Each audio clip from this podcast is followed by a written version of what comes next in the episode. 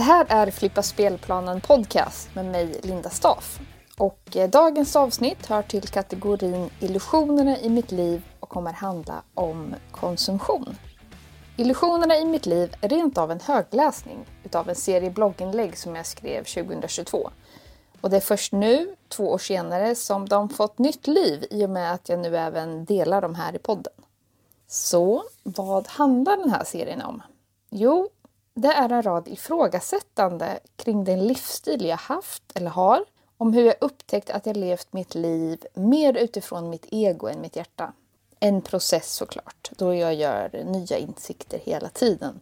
Jag delar det här för att stötta andra som går med liknande tankar och för att jag tycker att det är dags att röra om i grytorna så vi inte slumrar vidare utan börjar se världen med nya ögon. Dagens avsnitt alltså, konsumtion. Vad är konsumtion? Det är ju det mesta vi använder egentligen. Den slutliga förbrukningen av varor och tjänster. Det kan likväl vara mat från livsmedelsbutiken som el till hushållet. Så om vi pratar om konsumtionssamhälle och om att minska vår konsumtion handlar det inte bara om att köpa färre röda lackskor utan om att minska vår resursförbrukning överlag.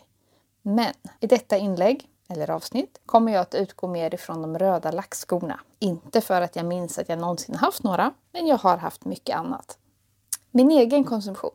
Jag ska berätta om min konsumtionsresa. Lever man som medelsvensson i ett land som har det gott ställt så kan man konsumera multum. Och ser man ingen fara med att göra det så finns det ju egentligen heller ingen anledning att låta bli. Så var det för mig. Fram tills att jag fick barn så la jag typ alla mina pengar på att resa. Så då var det, i förhållande till min omgivning, sparsamt som jag spenderade pengar på annat som prylar och kläder. Som student minns jag att jag månadssparade 500 kronor till resor och la 150 kronor på kläder som jämförelse. Men det är ju några år sedan. Jag kan så tydligt se i mitt liv hur jag ersatt gamla behovsmönster med nya. Det är väl det människan gör tills hon finner roten på varför hon har ett visst behov. När mina resor minskade så ökade min konsumtion. Nu skulle jag ju skapa drömlivet på hemmaplan istället. Men först backar vi bandet till min första egna lya.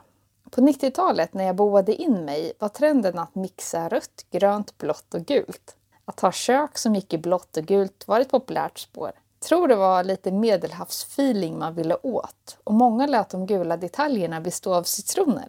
Av någon anledning valde jag att ha ett blått kök men de gula detaljerna var i form av bananer. Så jag samlade på köksrelaterade prylar som såg ut som bananer. Smörknivar med bananhandtag, hushållspappersrullehållare med bananfigur, banantavlor och så vidare. Varannan tallrik var gul, varannan blå, likaså besticken och glasen. Tre år senare kom 2000-talet och trenden blev att allt skulle vara ljust och fräscht, vitt och beige. Gör om, gör rätt. Ut i butikerna igen. Inredning var min grej i många år. Man kan lägga en stor del av sina pengar på det om man har det som intresse. Som inredningsintresserad med en ständig längtan av miljöombyte gillade jag att förnya hemmet. Men ni vet, nya kuddar och gardiner efter säsong och så vidare. Med en önskan om att ständigt uppdatera mitt hem på olika sätt så var det tacksamt att det fanns så mycket billigt att köpa. Handla ofta och billigt för att snabbt, enkelt och ofta förnya mitt hem. Ikea, Ullared, Lagerhaus och en massa andra butiker gjorde det här möjligt. Kläder hade inte varit så stor grej för mig tidigare egentligen, men när kidsen kom var det ju hur kul som helst att köpa till dem och styla dem efter mig. Vi är väl många som har gjort det. Låtit kidsens stil vara en del av våran identitet. En annan illusion by the way kan vara att tro att ens kids är ens tillhörigheter. Som kompensation för småbarnsår var nya kläder en perfekt pepp och något jag som nybliven mamma kom att unna mig mer och mer utav. När jag fått snurr på inredningen och klädinköpen var det som att jag behövde ett nytt köpintresse. Och det blev friluftsprylar. Mitt tidigare friluftsliv hade fungerat utmärkt i många år med en uppsättning friluftsplagg jag fått från min svägerska, ett stormkök jag köpt i ung ålder och ett billigt men väl använt tält. Ryggsäck, sovsäck och vandringsskor var de samma som jag använt under flera år som backpacker. Så här i backspegeln är det ju allt man behöver såklart. Men kan man köpa och inte se några hinder, så why not? var min filosofi då. När jag kraftigt minskade mitt flygande 2018 var det som att friluftsprylarna under en period fick bli kompensation för de resor jag inte längre gjorde. Alltså, vet ni vilken prylsport friluftslivet kan vara? Jag hade alltså ett extra rum i huset bara för att förvara alla mina grejer. Här är några exempel på vad som fanns där. Fem tält. Ett solotält, ett tält för mig och min cykel, ett tvåmanstält, ett tremanstält och ett fyrmanstält. Fyra sovsäckar, sommar, höst, vår, vinter och extremvinter. Tre liggunderlag, vanliga tunna, upplösbar för vår och höst och upplösbar för vinter.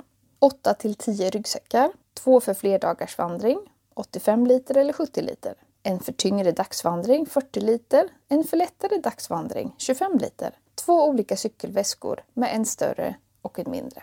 Stekhällar, tekannor, våffeljärn, stekspadar, lättviktstallrikar, vikbara muggar, knivar för olika situationer, WC-kit med spade, diskprylar, myggskydd, kartor, kompasser, vindsäck, spadar, vattenreningar, solcellsladdningar och så vidare och så vidare. Fråga. Vilka löparskor använder du? Svar. Det beror på om jag springer på asfalt eller i terrängen eller i lerig terräng för den delen. Eller på vintern, då är skorna isolerade och med dubbar. Fyra olika skor för löpning. Fråga. Vilka handskar rekommenderar ni här i butiken? Svar. Det beror på vilken aktivitet du ska göra. Vi har handskar för mountainbike eller landsväg. Olika varianter beroende på årstid.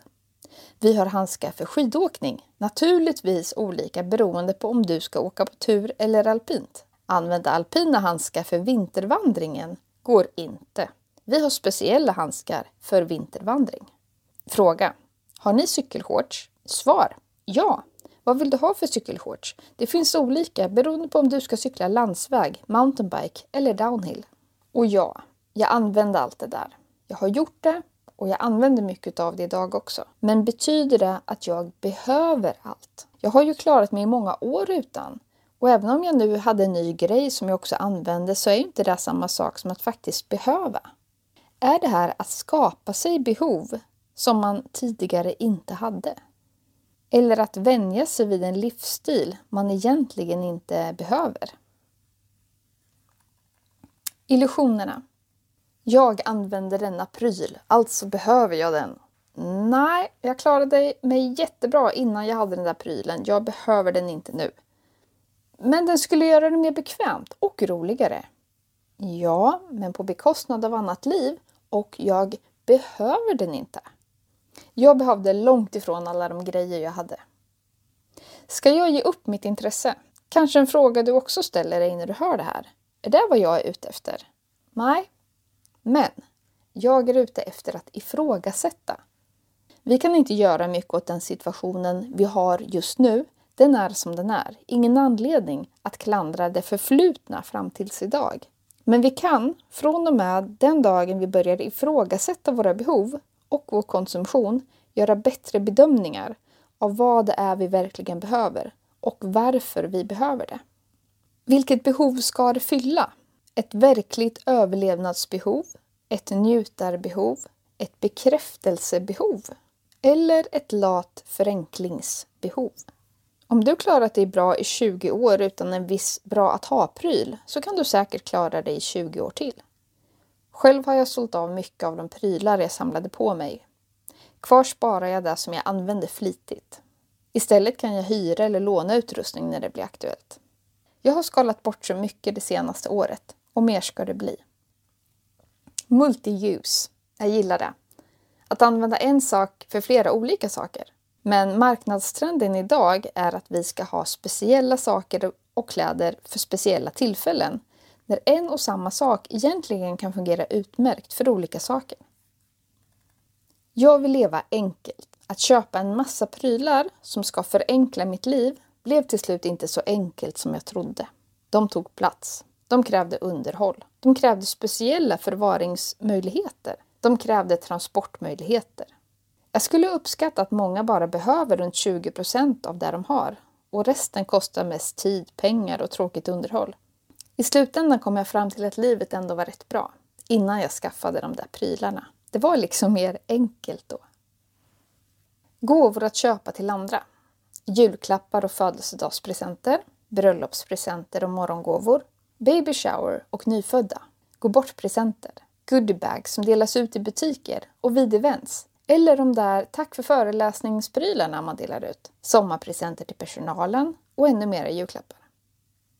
Vi har ju en tradition av att ge bort saker till varandra. Mer och mer verkar det som. Men varför mer och mer? För att vi har blivit mer givmilda? Eller för att vi försöker matcha eller bräcka varandra? När började vi värdera varandra i de gåvor vi fick? När började vi känna vårt värde i de gåvor vi fick? Grejen är att jag tror att de flesta svarar att de inte alls känner att de behöver få gåvor som dessa för att känna sig mer värdefulla.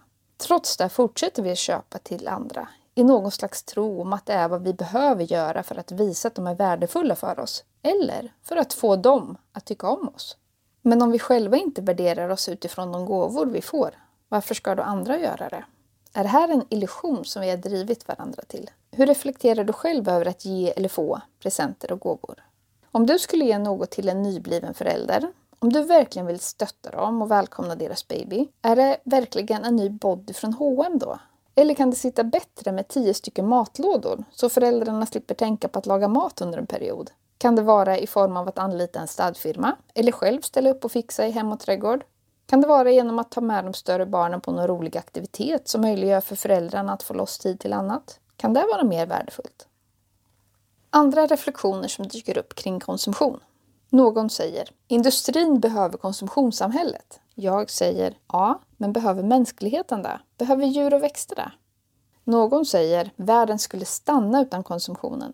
Jag nej, den skulle bara ställa om. Kanske skulle vi lägga mer tid på det vi behöver och trivs med istället för att jobba sönder livet. Någon säger hur skulle framtiden se ut? Jag säger det finns många tankar kring det. Vad det blir det vet vi inte förrän vi lämnar det gamla och tar klivet in i det nya. Vi behöver inte alltid veta vart vi ska. Det viktiga är att veta vad det är vi behöver lämna. Det kommer bli en bumpy ride. Det kommer bli tufft. Men vad har vi för alternativ egentligen? Det blir inte bättre för att vi fortsätter blunda. Konsumtionsillusionen och egot. Vem säger att jag behöver det ena och det andra? Inte jag själv i alla fall. Alltså, inte mig själv på djupet. Det är inte mitt hjärta som säger att jag har behövt det ena eller det andra.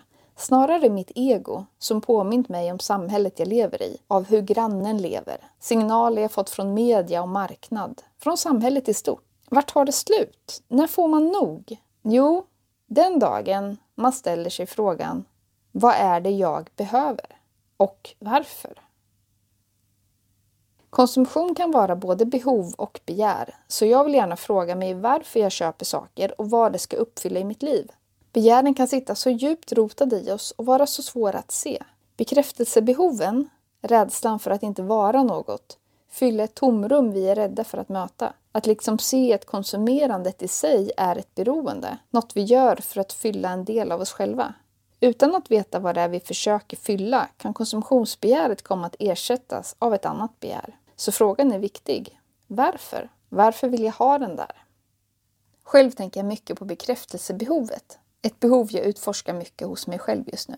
Min konsumtion är idag betydligt mer medveten. Jag reflekterar över varför och lyssnar till den inre dialogen inom mig som drar igång. Jag frågar mig själv varför vill jag ha den där grejen? Ibland faller jag för mitt egos bekräftelsebehov. Men allt oftare lyckas jag stå emot. Det är en process.